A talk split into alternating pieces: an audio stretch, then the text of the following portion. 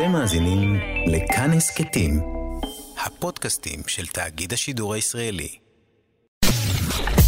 אתן מאזינות ואתם מאזינים לכאן הסכתים. כאן הסכתים, הפודקאסטים של תאגיד השידור הישראלי.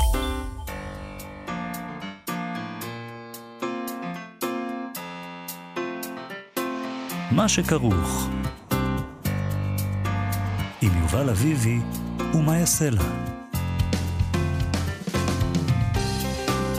שלום, צהריים טובים, אנחנו מה שכרוך, מגזין הספרות היומי של כאן תרבות. אנחנו כאן בכל יום ב-12 בצהריים, בשידור חי ב-104.9 או ב-105.3 FM. אפשר גם למצוא אותנו בהסכתים בכל שעה שתרצו. איתנו באולפן היום ילנה גולדנברג על ההפקה, אלעד זוהר על הביצוע הטכני, שלום לכם, שלום יובל. שלום אה, מאיה. אה, אנחנו נדבר היום על גרשון שלום בעקבות שני ספרים שלו שיצאו בהוצאת בלימה. האחד על התנועות המשיחיות בישראל, השני על תנועת השבתאות. גם הספר, מטבע הדברים, על התנועות המשיחיות בישראל עוסק הרבה מאוד בשבתאות, שזה אה, Mm, נושא טוב. תענוג. שבתאי צבי, איזה איש. וואו. אתה סוחף אחריך המונים, כן. ואז אתה אומר להם, אתם יודעים מה? אני מתאסלם. לא, זה לא ככה. לא, לא, לא, לא, לא. סליחה, לא, אני נורא נורא בסדר, מצטער. תשמע. אני אתמול מאוד העמקתי בטקסטים האלה, כן, שהם אה, מרתקים. ממש. אה, זה היה בן אדם מאוד מאוד מסוכן, בוא לא נעשה מזה צחוק. שבתאי צבי, כן, לא גרשון שלום. לא. אה, לא, לא, אני צוחק, שבתאי אני צבי צוחק. היה בן אדם מסוכן, וזה שהוא התאסלם, בעצם זה חלק מהדבר הזה שחוקר, שחקר גרשום שולם. למה? מה, מה קרה שם שהוא התאסלם?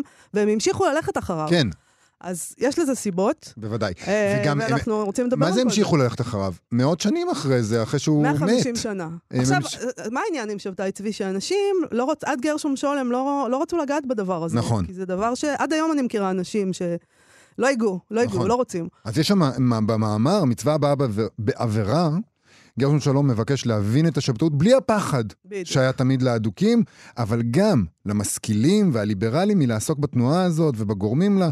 הוא כותב בפתח אה, דבריו על ההתרכזות המוסרית שגרמה לזה שהדברים באמת לא נחקרו. נכון. אה, פשוט כאילו התייחסו כאילו זה לא קרה, וזו הייתה תנועה סופר משמעותית, מה זה לא לחקור את זה? אה, היו עוד סיבות שגרמו להמעטת דמותה ומשקלה של השבתאות ככל האפשר, הוא כותב שם כך, הם הלכו עד הסוף, עד התהום ההיא שבה נהפכת הרוחניות הטהורה של עולם מתחדש למכשלה נפשית ומוסרית במ"ט שערי טומאה. במ"ט שערי טומאה. כן. את אוהבת? כן. לא, זה ספר, הספר הזה, של- כן. המאמר הזה של גרשום שולם הוא הוא מצווה מסיר. באה בעבירה. כן. ובתנועות המשיחיות ב- בישראל הוא סוקר גם היסטורית, הוא לא היה הראשון. זאת אומרת, המשיחיות היא דבר, וזה דבר מאוד מעניין, כיוון שזו תנועה בעצם עממית. היא בניגוד למה שקורה בדרך כלל בדת, שיש לך איזה, איזה הנהגה דתית שקובעת מה יהיה, פה זה נסחף מלמטה מההמונים. היהודים, הם רוצים גאולה כבר, פשוט. כן. והם-? והוא כותב סופר... טוב, זה מאוד מעניין, אנחנו אה, נ- נמשיך ונדבר על זה, איך כל הדבר הזה יתאפשר. עם עורך שני הספרים האלה נדבר, פרופסור יונתן מאיר מהמחלקה למחשבת ישראל באוניברסיטת בן גוריון. יש לנו המון מה לדבר איתו. אחר כך אנחנו נדבר גם עם צור שזף שלנו בפינה, דרך הספר, שעוסקת בספרי מסע, אבל אגב, מסע, מהמם. מסע השירה, ב... ראית מה עשיתי פה? מסע השירה בישראל. אהבת? לא פחות. לא, לא. פחות לא מהשבתאות. יודעת אם אהבתי. פחות מהשבתאות. פחות מהשבתאות. טוב, אבל יש פה בשורות גדולות. מהיום יש בית למשוררים ולמשוררות בישראל. הוקמה בישראל אגודת משוררות ומשוררים. שם הארגון הוא שירה. מאחורי המהלך עומד יושב ראש האגודה והמייסד שלה, איל, אילן ברקוביץ', לצ- לצד, אני לא יודע מה היום, לצד טל פאר הכהן, מקי חכם נאמן, יואב גלבוע, אלתאי בנאים, שולמית אורבך וסמי שלום שטרית, אלה האנשים שעומדים מאחורי זה. נכון. ואילן ברקוביץ' כתב ככה כשהוא הכריז על הקמת האגודה אתמול, עבודת המשורר היא בודדה, ולפעמים אנחנו מחפשים אוזן קשבת ובית חם. זה כבר, אני חושב, אם מנקדים את זה, זה שיר. אנחנו מזמינים אתכם להיות חברים שלנו באגודה החדשה שהקמנו. נהיה בית ראשון מסוגו, שיהיה פתוח לכל המשוררות והמשוררים בארץ, ללא הבדל דת, גזע, מין וחבורה ספרותית. יפה שהוא עושה. יובל, כן, כן. וחבורה ספרותית. זה חשוב. ניתן במה לשירים עכשוויים בולטים ולספרי שירה חדשים, ונעדכן על אירועי השירה המתקיימים בארצנו חדשות לבקרים. כמו כן, נשתדל לסייע בהכוונה לכל מי שיכול לקחת חלק בתהליך ההוצאה לאור של ספר שירה בישראל, עורכים, מנקדים, מוציאים לאור ועוד. גם מקומם של כתבי העת לשירה לא ייפקד.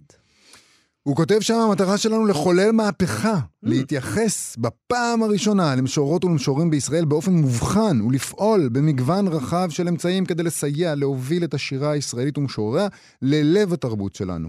נעודד שיח חדש, נרחב ומעמיק יותר אודות שירתנו ונדאג לקיים את זכויות היוצרים של משוררי ארצנו. הלוואי שכל זה הם יצליחו לעשות. נכון. אה, הם הקימו עמותה. בתעודת רישום העמותה כתוב שהעמותה תשמש בית לכל המשוררות והמשוררים הפעילים בישראל, תקים אתר אינטרנט פעיל. שישמש את כל חברי האגודה ויכיל מאגר ארצי ראשון מסוגו של כל משוררי ישראל הפעילים בימינו. ויש הרבה. כן. כל אחד הוא משורר. תשמעי, אנחנו, אה, בעקבות הידיעות המרגשות האלה, אנחנו פנינו לצביקה ניר, יושב ראש אגודת הסופרים והסופרות העבריים, שבעצמה מוגדרת כאגודה מקצועית של סופרים ומשוררים כותבי עברית בישראל. זאת אומרת, המשוררים נכללים בפנים. כן, אבל הם קוראים לעצמם אגודת הסופרות והסופרים. נכון. או הסופרים והסופרות. אבל זה שם היסטורי, יכול להיות שפעם דיברו על ספרות שכבר לא כוללת בתוכה הספרות. את השירה. אבל לא קוראים לה אגודת הספרות. אה, אה, תשמעי, אנחנו שאלנו אותו מה דעתו על אוקיי. הקמת האגודה החדשה הזאת, וזה כשאנחנו זוכרים שגם איגוד הסופרים הוא לא היחיד. נכון. אה, אגודת הסופרים, סליחה. יש גם איגוד סופרים. נכון. יש שם תחרות עזה. מה זה תחרות? הם קמים בבוקר, הם אה, לא- נשק. אבל אה, זה לא תחרות ש... מטורפת. זה לא קפיטליזם. זה לא שיש בית אחד, ואז מצטרף. זה לא שיש יש אפילו בית אחד, זאת- האמת. אנחנו שאלנו אותו מה דעתו על הקמת כן. האגודה החדשה, זה מה שהוא ענה לנו. הוא אמר, זה שטות גמורה. במקום לחזק את האגודה שלנו, היא תחליש את מעמד הסופר והמשורר בארץ. על סכומים עלובים של סיוע ממשרד התרבות ומגורמים ציבוריים נוספים נאבקים כמה וכמה גופים. התוצאה היא שכולם מקבלים פירורים. בתקופה הזו צריך לאחד כוחות ולחזק את אגודת הסופרים ולא לפצל את הכוחות. עכשיו, הוא מתייחס לאיגוד הסופרים, המתחרים הנועזים של אגודת הס- הסופרות והסופרים. כן. והוא אומר, איגוד הסופרים הכללי הולך ומתחסל בהיעדר משאבים. הוא, הוא, הוא אומר שהחברים של איגוד הספרים, הם, הסופרים? הסופרים, סליחה, הולכים לאגודת הסופרים והסופרות. זה קצת מבלבל, אני יודע. אנחנו קולטים את חברי איגוד הסופרים הכללי, הוא אומר, לאחרונה הצטרף אלינו היושב ראש שלו, פרופסור גד קינר. זה מעניין. Uh, לצערי, הוא אומר, זה עניין של אגו אישי וקצר ראות, הקמת האגודה החדשה למשוררות ומשוררים, והוא גם אמר שכמעט 80% מחברי אגודת הסופרות והסופרים שלנו הם משוררים. שאולי צריך לשנות את השם, uh, צריך להגיד, אם זה 80 אחוז. Uh, כך גם הפעולות שלנו, הוא אומר, תנאי הצטרפות אלינו הוא פרסום שני ספרים וצליחת ועדת קבלה והחלטת ועד, לכן לא כולם יכולים להגיש ולהתקבל. על זה, הוא אומר, אני מניח שמתבססת האגודה החדשה, על זה הוא מנגן, ככה הוא אמר. הוא אני, מתכוון אבל אני חייבת ברקוביץ'. להגיד משהו. אה, אני, אני יודעת את זה, אבל זה פתאום אה, כזה, הוא הגיב, אז נזכרתי שהרעיון הזה שבכלל יש ועדת קבלה, אה, אני מאוד לא אוהבת ועדות קבלה, אני חייבת להודות, אבל ועדת קבלה לאיגוד, לאגודת הסופרים זה דבר מצחיק. אתה לא חושב? כלומר, הרי אתה לא מדמיין לעצמך שיש פשוט המונים שמתים להתקבל לאגודה הזאת, נכון? מה זה ועדת קבלה? מה- מה אנחנו מה, הם יודעים? יושבים שם ואני לא, לא מבינה כאילו. טוב, מה אנחנו יודעים? אולי אוקיי, יש שם אוקיי, תהליך בסדר. מאוד קשוח. שאתה מנסה להתקבל, אתה מתדפק על דלתותיהם, ואתה אומר להם, תנו לי להיכנס, ואומרים לך, תסלח לי, אה, חמוד, יש לך רק ספר אחד, או אפילו יש לך שני ספרים, אבל הם לא יצאו בהוצאה שמספיק נחשבת בינינו, לך תדעי. או הם לא טובים בעינינו. או הם לא, לא, הופה. לא, לא, כאן. זה כבר, אה, זה אוקיי, כבר אה, אה, שיפוט, אני לא. בטוח. בסדר. לא, כי זה השיפוט היחיד שכדאי, אבל לא חשוב. אוקיי, אנחנו ביקשנו את תגובת המשורר אילן ברקוביץ', מייסד האגודה החדשה, על הדברים האלה של צביקה ניר, ואילן ברקוביץ' אמר ככה: אה, שירה, אגודת המשוררות והמשוררים בישראל, היא אגודה חדשה שמטרתה להתייחס למשוררי ישראל באו- באופן מובחן וייחודי. אף פעם לא הייתה אגודה כזאת בתולדות הספרות שלנו, והגיע הזמן שתהיה. יש ציבור הולך וגדל של משוררים, שצריך לקבל מענה מסוג חדש. אמנם החזון שלנו מהפכני, אבל אין לנו כל כוונה לפגוע או להתחרות באף אגודה קיימת. אנחנו רוצים ורוצות להעשיר את השיח על השירה העכשווית בישראל, ולשמש אוזן קשבת ובית חם לכלל משוררי ישראל, ללא הבדל דת, גזע, מין וחבורה ספרותית. זה מאוד חשוב, חבורה ספרותית. באנו לעשות טוב ורק התחלנו, אז תנו לנו אשראי. קחו, קחו. אשראי. אני אוהבת את המילה אגודה. זה מה שאני יכולה להגיד מכל הדבר הזה. כן? אגודה, כן. ו- אגודה זה מילה יפה. איגוד ו... לא, זה גם? איגוד לא. איגוד אגודה. לא, אגודה כן? איגוד זה כזה, לא יודעת, בגלל הבנק, זה מזכיר לי בנק, אבל אגודה איג- זה יפה. איגוד זה יותר מיליטנטי. איגוד זה אנשים שעולים על בריקדות וזורקים מולוטוב וזה. זה אגודה, שאת- אגודה אג- זה יפה. אגודה זה יפה. כן. טוב. אגודת אה, משוררים. אני, אני אוהב את כל המילים שאת אוהבת. וואו. אני צריכה להיזהר יותר עם העניין הזה של המילים שאני בוחרת. בוא נשמע שיר.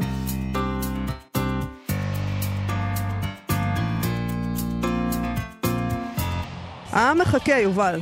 אנחנו, מה שכרוך בכאן תרבות, חזרנו. אנחנו נדבר עכשיו על משיחיו, משיחיות ועל משיח שקר. המשיח שקר, בה"א הידיעה של העולם היהודי, היה שבתאי צבי. הוא סחף אחריו רבים בתנועה שאורך ימיה כ-150 שנה.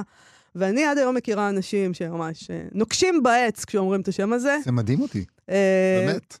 למה זה מדהים אותך? זה טראומה, זה טראומה של העם היהודי, ואולי לכן גם המחקר אודותיו היה דל, והוא פשוט נחשב לאיזה דבר מסוכן וגם מביש. אה, ואולי לכן מה, המאמר שפרסם בשנת 1936 גרשום שולם, מגדולי חוקרי הקבלה על התנועה השבתאית, טלטל רבים, הוא מבקש להראות שם, אני מצטטת, שיש התפתחות דיאלקטית ברורה המובילה מהאמונה בשבתאי צבי לני- לניהיליזמוס הדתי של השבתאות והפרנקאות, לתורה המזעזעת את נפש היהדות עד היסוד, שביטולה של תורה זהו קיומה, ומהניהיליזמוס כעמדה דתית המיוסדת על מקורות הדת עצמם, אל עולמה החדש של ההשכלה. שים לב. הוא טוען שהם הכינו את הקרקע בעצם. מהמם. להשכלה. מצווה הבאה בעבירה להבנת השבתאות, רואה, זה מאמר שרואה אור כעת מחדש בהוצאת בלימה, לצד התנועות המשיחיות בישראל. גם מאמר של גרשום שולם, את שניהם ערך פרופסור יונתן מאיר, שמלמד במחלקה למחשבת ישראל באוניברסיטת בן גוריון, והוא גם חבר האקדמיה הלאומית הישראלית למדעים. שלום, פרופסור יונתן מאיר. שלום מאיה, שלום יובל. שלום. אז, אז אולי, אה, פרופסור מאיר, אולי נתחיל בניסיון להבין את היחס של העולם היהודי, ההדוק והחופשי, לשבתאי צבי מבחינת מחקר. ברחו מהדבר הזה, למה לא רצו לעסוק בו? אני רוצה קודם כל לתקן דבר קטן מאוד. בבקשה.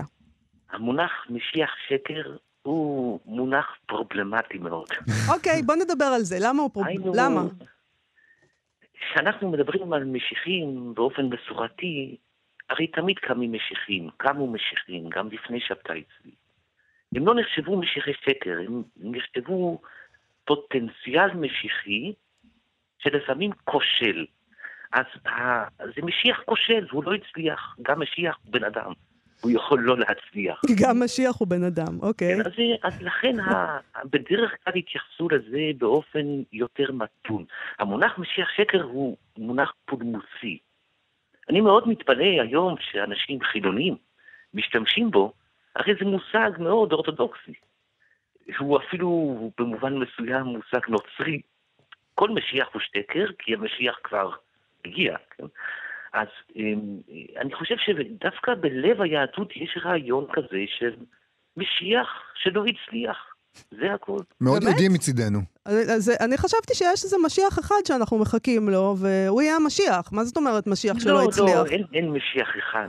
אוקיי, אז אתה, בוקר אתה. רוצה להגיד לי ששבתאי צבי, אתה לא מכנה אותו משיח שקר לא, בעצם? בוודאי שלא. הוא מש... משיח נפול. אוקיי, בוא נדבר עליו. אז הוא משיח שלא הצליח. הוא עכשיו, משיח שלא הצליח. הוא עורר משהו עצום בתוך העם היהודי, תקווה גדולה מאוד. תקווה להשתחרר, תקווה לחיים יותר טובים, והוא מצליח בזה עד השלב שבו השלטון העות'מאני עוצר אותו, הוא מכריח אותו להמיר את דתו. ואז כמובן יש אכזבה גדולה מאותו משיח. אבל הרבה מאוד אנשים המשיכו להאמין בו בדרכים שונות.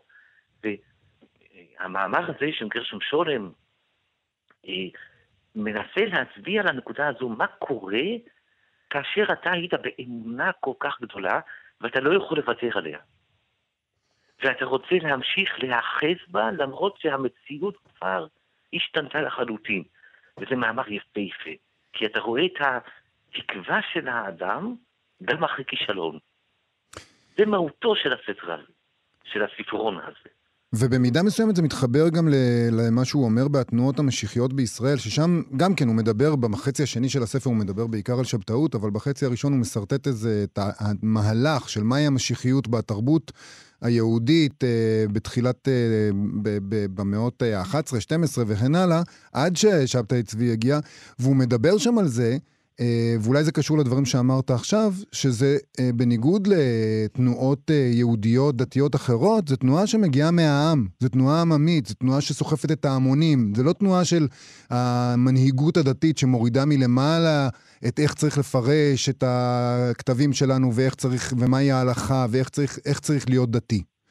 אין ספק, זו תנועה שהיא, יש לה צד מאוד חזק שהוא עממי, כמובן לא רק. אבל הנה, עד כמה זה נכון מה שאתה אומר, בשנת 1925 מתפרסם בעיתון דבר, בעמוד הראשון, קריאה גדולה לקיים בתשעה באב יום שבתאי צבי. בעיתון דבר. עיתון חילוני לחלוטין. כן. מי שחתון על זה היה זין רש. זה ראשי תיבות, זר, כן? זלמן רובשוב. זאת אומרת, זלמן שבר, נשיא המדינה לימים. Mm-hmm. והוא קורא לא לצום בתשעה באב, אלא להתייחד עם זכרו של שבתאי צבי, שאנו הציונים ממשיכים את איפה שהוא נכשל בו. איפה שהוא נכשל אומרת... במובן, ש... במובן של אה, להביא את הגאולה דרך, אה, דרך אה, פריאת הסדר הדתי. כן, כן, כן, פריאת הסדר הדתי, שידוד מערכות מוחלט של חיי הגלות, כולל כמובן גם המצוות. לכן במובן הזה אנחנו היום לפחות הציבור החילוני בארץ ישראל, יותר קרוב לשבתאי צבי או יעקב פרנק מאשר לגאון מווילנה. לא נעים. לא נעים. זה רדיקלי, פרופסור. אנחנו מכחישים את זה פשוט, ואנחנו ממשיכים להשתמש במונחים שיפוטיים, שהם אורתודוקסים לחלוטין, בדבר משיחיות שקר, בדבר נוכל, בדבר סוטה מין. דברים מהסוג הזה, בשעה ששבתאי צבי ויעקב פרנק הם דמויות ויטליות שאנחנו ממשיכים אותן. מה אפשר את שבתאי צבי? מה שאפשר זה דבר מאוד מאוד פשוט. המצב לא היה כל כך טוב בגלות, כן? והרצון לחיים חדשים ועולם חדש, וזה פשוט, הדמות שלו הייתה כריזמטית ביותר, אבל היה לו גם נביא. זאת אומרת, היה אדם שניבא שהוא יגיע, זה נתן העזתי, והוא גם תיאולוג וגם פופוליזטור וגם עושה תעמולה, והוא מצליח בזה. זאת אומרת, החיבור הזה בין משיח לנביא גרם להצלחה הגדולה. זאת אומרת, זו תופעה פנים-יהודית, זה לא נתפס כמשהו זר. רוב העם היהודי האמין בשבתאי צבי עד שהוא המיר. אתה אומר שזה קשור למצב uh, בגולה, שלא היה טוב, אבל, uh, וגם זה קשור אולי למשהו שגרשון uh, שלום כותב בתנועות המשיחיות בישראל, לעובדה שאחד הדברים, זה כמעט נשמע אנטי-יהודי, גם מהבחינה הזו, שמשיחיות באופן כללי היא רעיון שמייתר את ההיסטוריה, ואפילו במובן מסוים מייתר את ההווה. הוא מסתכל רק על העתיד. אנחנו עכשיו סובלים, בסדר, זה שטויות, אבל עוד מעט משיח יבוא, ותבוא הגאולה. אנחנו, בעצם זה רעיון שמושתת על כך שאפשר למחוק את המצב שבו אתה נמצא עכשיו, ואפילו את ההיסטוריה שלך כעם. כן, זה רעיון, זה התזה המרכזית של גרשם שולם. מאז כמובן השתנה הרבה במחקר. והוא, שולם עצמו טען שלמשל הציונות היא לא יכולה להיות משיחית, משום שהיא פועלת בתוך ההיסטוריה. אבל ה... אנחנו מבינים היום שגם השבתאות, גם תנועות משיחיות מאוחרות יותר, הן בוודאי פועלות בתוך ההיסטוריה לחלוטין. זאת אומרת, זה לא רק מחשבה אוטופית, אלא זה ניסיון אקטיבי מאוד להנכיח את האוטופיה כאן ועכשיו. זאת אומרת, יש כאן משהו שהוא מדהים. כשאנחנו מדברים היום במדינה שלנו על ניסיון לעשות מהפכה חזרה, כן? מהפכה נגד המהפכה. Mm-hmm. זה בדיוק הרעיון. אנחנו רוצים להנכיח אוטופיה בתוך העולם הזה. זה רעיון של כל תנועה פוליטית גדולה. אז במובן הזה, התנועות המשיחיות הן תנועות פוליטיות. עכשיו, להדפיס את הדברים האלה היום של שולם, הדברים כמובן קצת השתנו, קצת התעדכנו, המחקר דווקא מרובה מאוד סביב השבתאות, אבל זה הסוד של הוצאת בלימה. הם מוציאים ממש דולים פנינים מתוך המחקר, כן, ומציגים אותם מחדש. ואתה חושב שזה רלוונטי להיום, הטקסטים האלה, מעבר לזה שהם מעניינים בפני עצמם, הם רלוונטיים למצב שאנחנו נמצאים בו היום? הם רלוונטיים משתי בחינות. האחת, שתי בחינות לא רציניות ובחינה אחת מאוד רצינית. אוקיי. Okay. אחת, זה, הספרים האלה יפים. נכון. אז ה, לה, לה, לה, להגיש או לאחוז בספר שהוא אסתטי, וזה בזכות אה, טל גרגיר המעצבת, ובספרון אה, האחד שהוא הרצאות, יש שם קולאז' של עמית נעמני שהם יפהפיים. אז רק בשביל זה שווה להחזיק וזה רלוונטי. אבל זה גם רלוונטי מהבחינה הזו שהלשון של שולם, העברית שלו, היא יפהפייה. היא אומנם נראית קצת מסורבלת כי היא מושפעת מגרמנית, אבל זה עברית יפהפייה, שכדאי לקרוא את זה כדי לכתוב אחר כך משהו אחר. אז זה דברים לא רציניים, אבל הדבר הרציני, בוודאי שזה רלוונטי. היינו, המאמר מצווה הבאה בעבירה, הוא מאמר שבזכותו התעוררו רבים מאוד למחקר מדעי היהדות ומחקר השבתאות. עד היום. זאת אומרת, סטודנטים קוראים אותם, ודרך המאמר הזה מתעוררים לתחום. כי גם אם חלק מהדברים שם לא רלוונטיים, ויש כבר התקדמות, והמחקר השתנה, השאלות שהוא מציג שם הן שאלות יסוד של התחום הזה. אני רוצה לשאול אה, על עוד רלוונטיות uh, למצב הנוכחי. הוא מדבר פה על תנועת המשיחיות בישראל, ואני חושב שעדיין uh, יש משיחיות בישראל. זאת אומרת, זה לא רק איזה מוסד, איזה מושג אקדמי שיש לחקור אותו בעקבות uh, הדברים האלו, אלא זה רעיון אמיתי שקיים. אמ, גם במובן הטהור שלו, אנשים מאמינים שהמשיח יגיע. עדיין, למרות שאנחנו פה, לכאורה הגאולה כבר קרתה, הגענו לארץ ישראל והכל בסדר. אה, אנחנו, אם, אם המשיח הוא רעיון של רע לנו בגולה, אז הנה משיח יגיע, אז העניין הזה נפתר בגדול. אבל גם במובנים אחרים, גם במובנים הכי מופשטים, אנשים מאמינים במשיחיות. כן, אין ספק, זה ברור, זה מאמינים במשיחיות, אבל היופי הוא שהמשיחיות היא מאוד דינמית. ורבת פנים. והמון פעמים אנחנו מדביקים משיחיות איפה שאין משיחיות, ואיפה שיש אנחנו מתעלמים. היינו, שאנחנו אומרים היום בתקשורת כגנאי, הם משיחיים. כן. לעיתים קרובות זה בכלל לא קשור למשיחיות. זה פשוט קשור לפונדמנטליזם. זה קשור לאורתודוקסיה קיצונית, ואין לזה שום קשר לאיזשהו מבע משיחי. משיחיות היא לא רק היציאה מגלות פיזית, היא המון פעמים גם יציאה מגלות נפשית. ולכן יש לנו משיחיות שהיא פוליטית, וזה גם הקומוניזם זה משיחיות פוליטית. כן. אז במובן הזה אנחנו... יש לנו משיחיות שהוא גאולת הנפש, וזה מופיע בחסידות המון פעמים. יש לנו משיחיות פרסונלית, כמו חב"ד או ברסלב. זאת אומרת, הריבוי פנים של המשיחיות היא עצומה, והיא כל כך נעוצה בנפש האדם, שהיא תתגלגל ותשוב כל הזמן. נפש האדם או נפש היהודי? אני חושב נפש האדם. Mm-hmm. פשוט ההגדרות הן משתנות. בשיח היהודי אנחנו קוראים לזה משיחיות, אבל זה יכול לקבל כל מיני ביטויים במקומות אחרים. כמובן, אנחנו כיהודים מאוד אוהבים אוטופיה. כן, נכון. וזה היופי של היהדות, שהיא לא נשענת על ההווה, אלא על התקווה של העתיד. אני רוצה לסיום לחזור להתחלה, אה, כי בעצם מה שאתה אומר לנו, מה אתם כל כך מפחדים משבתאי צבי, נכון? זה אה, בעצם מה שאתה אומר לנו. אתם מפחדים משבתאי צבי? אני לא ידעתי זה. בטח, מפחדים. זאת אומרת, אני הופתעתי מהשיחה שאתם כל כך נבהלים. נבהלים מאוד. ואתה לא נבהל. למה אתה לא נבהל? זה דמות יפהפייה? למה? הוא אדם שהוא מחדש את פני היהדות גם מבחינה דתית.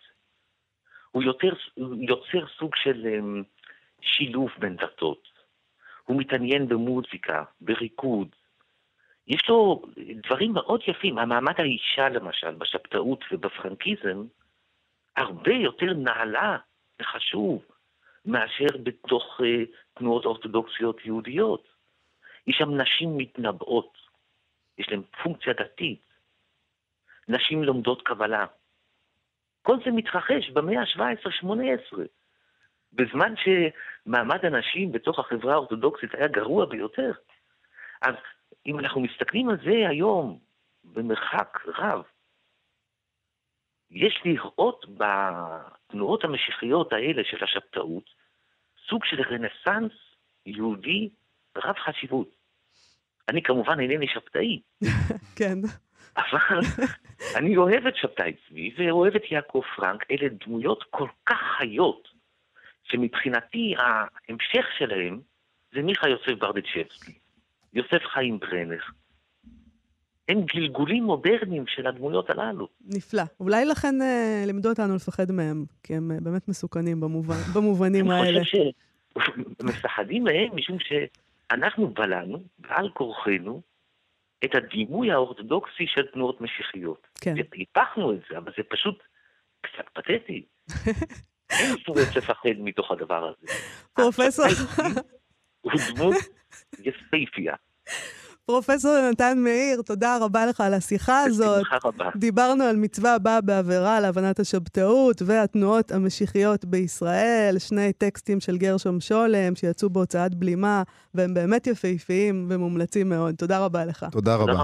להתראות. להתראות.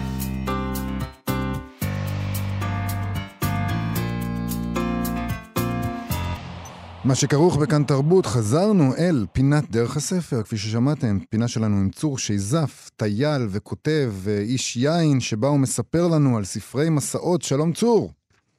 שלום וברכה, יובל.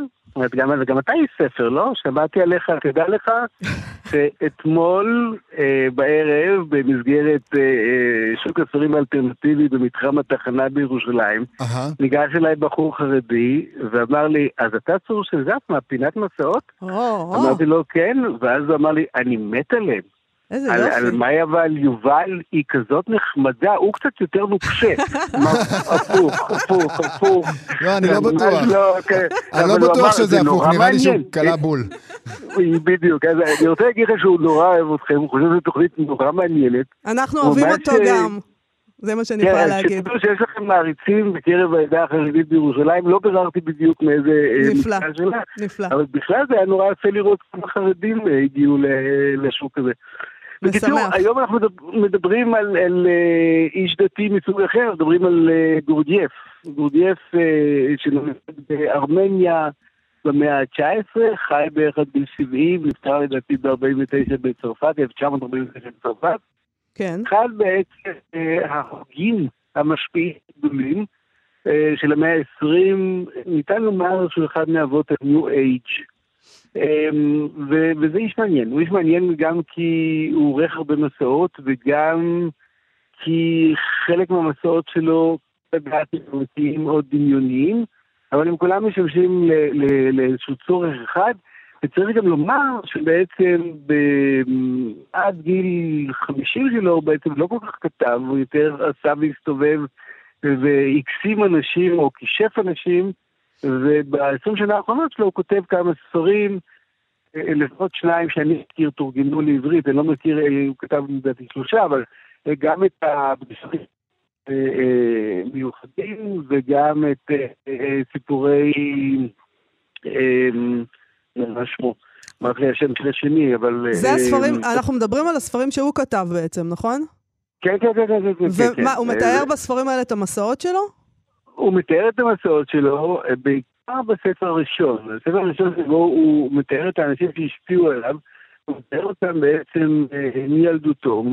קודם כל הוא מספר לנו על הסביבה שבה הוא נולד, באזור של הקווקז, באלכסנדרופולס, ופידיומרי שבארמניה, שהיא עיר אה, קדומה ומעניינת. גם מעניין מה הוא, מציג את הארמנים. הוא אומר, שבעה רוסים שווים ליהודי אחד. טוב, אה, צור, אנחנו שומעים אותך מאוד גרוע, אז אם אתה לא תזוז לנקודה יותר מוצלחת, שומעים אותי יותר טוב עכשיו? כן, כן, אנחנו מקווים. בינתיים. למה לא. אמרתם? רק לזוז, קצת אה, עד הסוף שמאלה. לא כן. לנשום, מסעות, אבל. מסעות, מסעות. אוקיי, כן. בקיצור, אז הוא אה, בהתחלה מתאר את הדברים האלה, ואחרי זה הוא מתחיל לנסוע, הוא לפחות מספר שהוא נוסע אה, למרכז אסיה. עכשיו, יש בדברים האלה אה, מסעות, חלק מהמקומות שהוא מציין, אני בטוח שהוא היה בהם, הוא מספר שהוא היה בבוכרה החדשה, הוא מתאר שם את המפגש שלו עם הנחשבנדים, נחשבנדי זה אה, מסדר סופי, שנמצא לא רחוק מבוכרה, ומשם הוא גוזר חוכמה. הוא בכלל מדבר על, השיטה שלו בעצם מדברת על חיבור עם איזה מסורות עתיקות, או מסורת עתיקה. זאת אומרת, אחד הדברים שהכי משפיעים עליו זה סיפורי גילגמש, שאבא שלו מספר לו בילדותו, ואחרי זה הוא מגלה את הטקסט הכתוב, והטקסט הכתוב זה בדיוק מה שאבא שלו אמר לו. זאת אומרת, הוא מתעסק הרבה מאוד עם זיכרון, עם, ה, עם הידיעה של זיכרון, עם המחשבה על זיכרון, והוא מאוד חשוב לו העניין של, ה, אה, נקרא לזה, הרושם האישי. לכן המסעות שלו, והוא מקים איזה אגודה של מחפשי האמת, היא בעצם לחפש איזה אמת צרופה שנמצאת באיזה מסורות עתיקות ואצל אנשים מאוד מאוד חכמים, שהם בעצם יכולים להעביר את הדבר, והוא אומר, לא מה שאת לימדו אותך, לא מה שאתה חושב הוא הדבר, אלא אתה צריך לחפש ולמצוא את הדבר האמיתי. אמ, יותר מזה, בספר השני, שכרגע נזכרתי בשמו, מסעות ב- אמ, סיפורי בעל זבוב לנכדו, מהמם. הוא מתאר את בעל זבוב כאיזו ישות חללית שמגיעה מהחלל החיצון ובעצם מביאה את החוכמה העתיקה לשם. זאת אומרת, הוא מיסטיקן. אבל המסעות שלו, שאותם הוא מתאר, הם מסעות במקומות אמיתיים לגמרי. והוא הוא נוסע כמה פעמים לאפגניסטן, ואת אחת התגליות הכי גדולות שקורות לו באופן נפשי, הוא אה, מצמיד לחלק באפגניסטן שקוראים לו כפיריסטן. אנחנו מכירים, רצה להיות מלך. לא, אנחנו איבדנו אותך. כפיריסטן? כפיריסטן, אוקיי. כפיריסטן, ארץ הכפירים. והאיש שרצה להיות מלך, אה, השניים שנודדים לשם, הולכים לשם ומגיעים ועושים ממלכה, אבל הוא מצליח להגיע שם לאיזה מנזר, אבל מנזר מוסלמי, ששם יושב איזה דרוויש, והוא מספר להם על עולם התופעות, והדרוויש הזה הוא בכלל איזה ג'ובאני, איזה נזיר איטלקי שפוגש אותו ואת החבר שלו, הם נמצאים שם חצי שנה. אחרי זה הוא מספר על מסעות שלו במרכז אסיה בחלק הסיני, באזור שאנחנו קוראים לו היום שינג'יאנג, או בזמנו נקרא טורקיסטן הסינית. ושם הוא מספר סיפור מוזר, אה, מומצא לדעתי, שבו הם מתאמנים לפני המסע הזה, והם יודעים שם על סופות הבורן הנוראות. סופות הבורן זה סופות חול עצומות שקוברות שם ערים, והם יכולים להתנשא לזה כמה מטרים, ואחד מחברי הקבוצה בונה לעצמו סולם של 20 מטר כדי לבדוק איך אה, אה, שורדים את הסופות האלה, הוא מגלה שבגובה של התקופה נעלמת, ואז הם בונים לעצמם אה, סוג של קביים, כדי שהם יוכלו, יוכלו ללכת מעל הסופות, והם מספרים שזאת הצלחה מאוד מאוד גדולה. אה, אני חושב שהסיפור הזה הם הוא... הולכים עם קביים מעל הסופה, זה יפה, אני אוהבת מעל את זה. הסופה, כן, לא, זה יפה. אבל אני אומר, יש, יש בדבר הזה, אם אני חושב על הוא לא המציא הכל. כי בבוכרה הוא היה. כן. ובבוכרה, בוכרה העתיקה, יש שם מבנים נורא יפים, אחד מהם נקרא טאקי זרגרון, שוק הצורפים, בתוך בוכרה העתיקה, וכשמסתכלים על המבנה הזה, הוא באמת בערך בגובה של שבעה מטר, ועל הכיפה שלו יש חלונות, אה, לא חלונות, אבל פתחים. מהמם. שחלק מהרעיון זה שהרי ברור לגמרי שלא היו שמים פתחים במקומות שבהם הסופה ממלאת אותה אבק.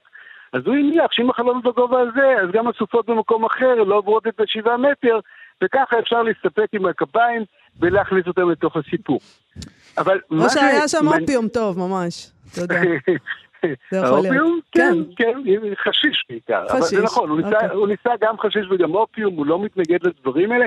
כדרך אגב, הוא משפיע על אנשים כמו אושו, ו- ודיברנו גם על אה, אה, על יוסף ספרא בנאות סמדר. כן. עכשיו, אני רוצה להזכיר לכם שאחת ה- ה- הצורות שבהן גורדייף עבד עם החסידים שלו, זה שהוא הכניס אותם ללמוד ש... להם רגע, רגע, לא- רגע, לא שמענו, רגע. הוא הכניס אותם לאן? הכניס אותם, למוד של עבודה. מוד של עבודה. אוקיי. אני מזכיר לכם שנגיד, על ידי זה הוא רוצה להגיע אל הפנימיות שלהם. על ידי זה שהם חושבים מחשבות על המהות שלהם, ואיך בעצם הדבר הזה משפיע על הנפש וגורם להיות, להיות אנשים יותר טובים. זה, זה חלק גדול מהרעיון של העבודה העצמית. ופה אני רוצה להתחבר אה, לאוריאל שבאחת התוכניות הקודמות אה, דיבר נגד היוגה כמארסת הספרות הגדולה. נכון. נכון. להגיד... הוא אמר שיוגה היא יוגה היא. האויבת של הספרות, אמר כאן אוריאל כהן. כן, כי הבחירה במוות בעודך בחיים, זה בערך מה שהוא אמר. כן, כן, כן, כן, זה- זה אמירה נהדרת, אני באמת שתיתי אתמול כוס יין יווני איתו בדיוק, ואמרתי לו שאני הולך להגיד לו שאני ממש לא חושב שהאמירה הזאת נכונה, כי גורדייף הוא בדיוק ההוכחה לזה שאתה יכול ללכת ולחקור את הפנימיות שלך ואת העצמיות שלך ולהגיע לאיזה סוג של הבנה לגבי עצמך, ולהמשיך ולחקור ולהתפתח, ולהפך, אני חושב שאחת הבעיות של הספרות של היום זה המהירות הגדולה שהדברים נעשים, וזה שכל בן אדם יודע לכתוב, יודע להעלות סרטון לטיקטוק וחושב שהוא עושה בזה משהו. בעוד ההסתכלות הגורדייפית, ובתוכה גם היוגה, כי אה, גורדייף הוא בעד יוגה ובעד דרווישיות ובעד לימודים איטיים, היא בדיוק הדבר ההפוך. הנושא הזה של לחשוב לאט ולהבין שרובנו לא יכולים בעצם בעזרת טיקטוק ומילים וכל מיני מחשבות שהנחילו לנו להגיע או לייצר איזה משהו מקורי, אלא להפך, אתה צריך לחדור לתוך עצמך, להגיע למקומות מאוד רחוקים, גם במסע הפיזי, המסע הפיזי הוא מאוד חשוב פה, וגם בהתנסות הגדולה, ורק משם אתה יכול להוציא את הדברים הטובים, בעיניי גם ספרות טובה. זה המקום שבו אתה צריך להגיע אליו, ולכן אני לא נגד יוגה, אבל אני מבין את כעסו של, אה, של אוריאל. בוא נגיד. שזה, אני לא יודעת אם הוא צדק במה שהוא אמר, אבל זה היה מאוד יפה. אמירה מאוד ברור. יפה, היוגה היא ומצחיקה. האויבת של הספרות, ומצחיקה, והנה חשוב. אנחנו מציעים למאזינים ומאזינות שלנו את שתי האופציות, או כן. אויבת של הספרות, או חברתה הטובה. מי היה מאמין שאת תהיי לשיקול שווייץ בתוכנית הזאת? לשיקול דעתכם, אני פה לא לא אקבע. קשה לי, אני ניסיתי לעשות יוגה, אני לא הצלחתי, כן, זה אבל קשה. אה, זה מאוד קשה. צור שייזף, ואת גורדייף ניסית לקרוא? עוד לא. עכשיו אני אלך. עשיתי, זה משעשע. זה אוקיי. במקום היוגה, זה בסדר. צור שייזף, תודה רבה לך על תודה, צור. הפינה הזו. להתראות. להתראות. להתראות.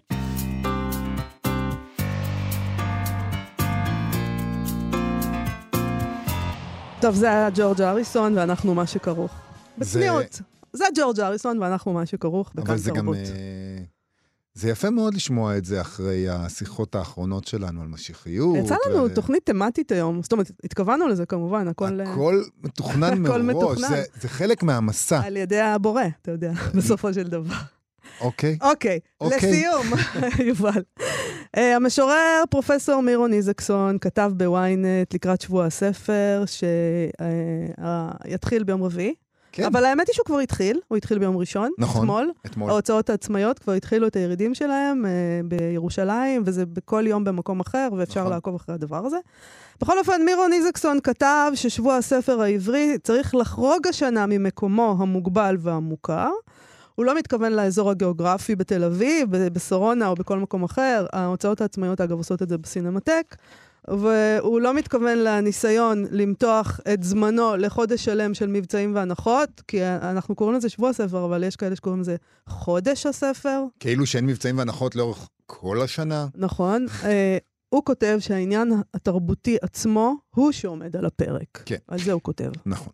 והוא מסביר אה, שהיריד מאותגר במיוחד השנה מצד הפעילות האינטנסיבית נגד המהפכה המשפטית. הוא מזכיר את העניין הזה שדיברנו עליו כאן בתוכנית, שבתל אביב לכל הפחות לא ייפתח מתחם הדוכנים במוצאי השבת, בשתי, בשני מוצאי שבת אה, שיש במהלך השבוע הזה, שמוקדשים להפגנות. כי מהמם. דיברנו על זה, המשטרה... או- אה, פשוט זה מסוכן, לא יהיה איך יהיה לפנות איך מישהו אם. יצטרכו לפנות, חס וחלילה. כן. אז uh, הוא אומר גם, uh, יש לשער שגם תשומת הלב הציבורית ממוקדת במאבק, ולכן uh, יפחת העניין בספרים המוצגים בחוצות, אבל גם זה בעיניו... אגב, ראיתי, סליחה שאני מפריעה לך, את לא, את פה בשביל להפריע. אבל ראיתי, פתאום, עכשיו אני פתאום חושבת על זה אתמול או היום בבוקר בטוויטר, מתחילים לדבר על העניין הזה של מרי אזרחי, ומה עושים במרי האזרחי, אז הם הודיעו שבימי רביעי לא קונים, כלום. כן. עכשיו, אה, היריד... לא יום שלישי? רביעי, אני אה, מצטערת, ש- יובל, ש- כתוב רביעי. עכשיו, אה, שיסגרו על עצמם. שבוע הספר מתחיל ביום ביום רביעי. איי, איי, איי. בוא נראה איך זה ישפיע.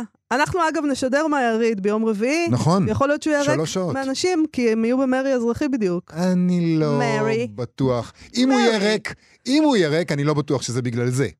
לא, אני, אם הוא יהיה ריק, אני רוצה שתפתחו את הרדיו, אנחנו נסביר לכם, אנחנו נתאר את. הדבר הזה. זה כן. יכול להיות רגע ממש מרטיט. כן, אה, אני רוצה אבל באמת לקרוא להם, אם תחליטו. אה, אה, סוג הם הפעולה שאתם החליטו. עושים- רביעי, הם החליטו, זה כתוב. אוקיי, זה הכל. החליטו, כן. רביעי, סגרנו, סגור, זהו, בלי חרטות. אגב, הם אמרו, אבל הם כתבו שם שהם מבקשים לא לפגוע ב... בחנויות עצמאיות, או אז מו- בסוחרים אסור לקנות. אבל מותר לקנות אבל את זה. תלוי ממי, כאילו. ובמזומן, כי הם גם לא רוצים באשראי שנשתמש, כי זה... זה מאוד מורכב, מרי. זה לא קל. טוב. מרי קפיטליסטי בכלל, כאילו, כן, אתה זה מאוד רוצה. להישאר בתחומי הקניין, אבל אה, לא לתרום ל... אתה נותן לך הוראות איך לקנות, ממי לקנות, איך להיות קפיטליסט. במסגרת ה... ומהפכן. מרי. כן, טוב, אה, נחזור כן, לאיזקסון. מיירון איזקסון. אה, אז הוא אומר, זה לא בעיה, זה הזדמנות, כל העניין הזה של המחאה שתופסת תשומת לב מהספרים, הוא אומר, המאבק על הספר העברי אינו מנותק מהמאבק על פוליטיקה הגונה ועל ערכים ראויים, והוא טוען שהנסיגה בקריאת ספרות ורידוד במעמד הפרוזה ושירה במיטבה הם חלק מאותן סכנות פוליטיות וחברתיות שקשורות למחאה, לפי מה שהוא אומר. כשמתרחקים מקריאה בעלת עומק, מעודדים מחשבות והתבטאויות שטחיות. השיח הופך ממילא לפחות מעניין ופחות מאתגר, ודיבורי סרק פוליטיים מוצאים מקום רחב להתגדר בו. בקיצור, השיח הפוליטי ה- הנוכחי הוא תוצאה של... אה, של זה שאף אחד לא קורא כבר כלום. כן. טוב, אה, עוד הוא כותב ככה, הספרות אמורה לעורר דילמות מוסריות מעבר לדיונים מזדמנים בחיי השגרה שלנו. כאשר הספרות נדחקת לשוליים, הזירה הציבורית מתמלאת עוד יותר בפטפוטי סרק שטחיים ודוברים פוליטיים מסוימים מרגישים נוח להרבות בתובנות במרכאות, בתובנות במרכאות הסתמיות שלהם. Uh, הוא מציע ששבוע הספר uh, צריך השנה להיות הפגנה תרבותית בעד הספרות העברית ובעד הלשון העברית התקנית. ראוי שהוא יחרוג מדוכני המכירה אל עבר כל מקום שבו מתכנס קהל. ישיבות הכנסת והממשלה צריכות להיפתח בהקראת קטעי שירה ופרוזה קצרים ממיטב הספרות העברית. גם צה"ל וכל משרדי הממשלה צריכים להביא עניין זה לידי ביטוי מעשי. משרד החינוך צריך למנף את השבוע הזה כדי לקיים ולהרחיב את המפעל של סופרים ומשוררים המגיעים לכיתות בתי הספר למפגש בלתי אמצעי עם התלמידים לאורך כל שנת הלימודים. האוניברסיטאות, למשל, יכולות לקיים ימי עיון ולימוד של הספרות בכלל והספרות העברית בפרט, בעיקר לסטודנטים הבאים מתחומים אחרים. זה נשמע כאילו, מה, זה טקסט, זאת אומרת, אוטופי או קומי או סאטירי? אני לא יודע. אני חייב להגיד שמתוך מעמקי המהפכה אה, מגיעות אה, הצעות מאוד מאוד סטנדרטיות ואפילו ממסדיות. צה"ל, משרד החינוך, אוניברסיטאות.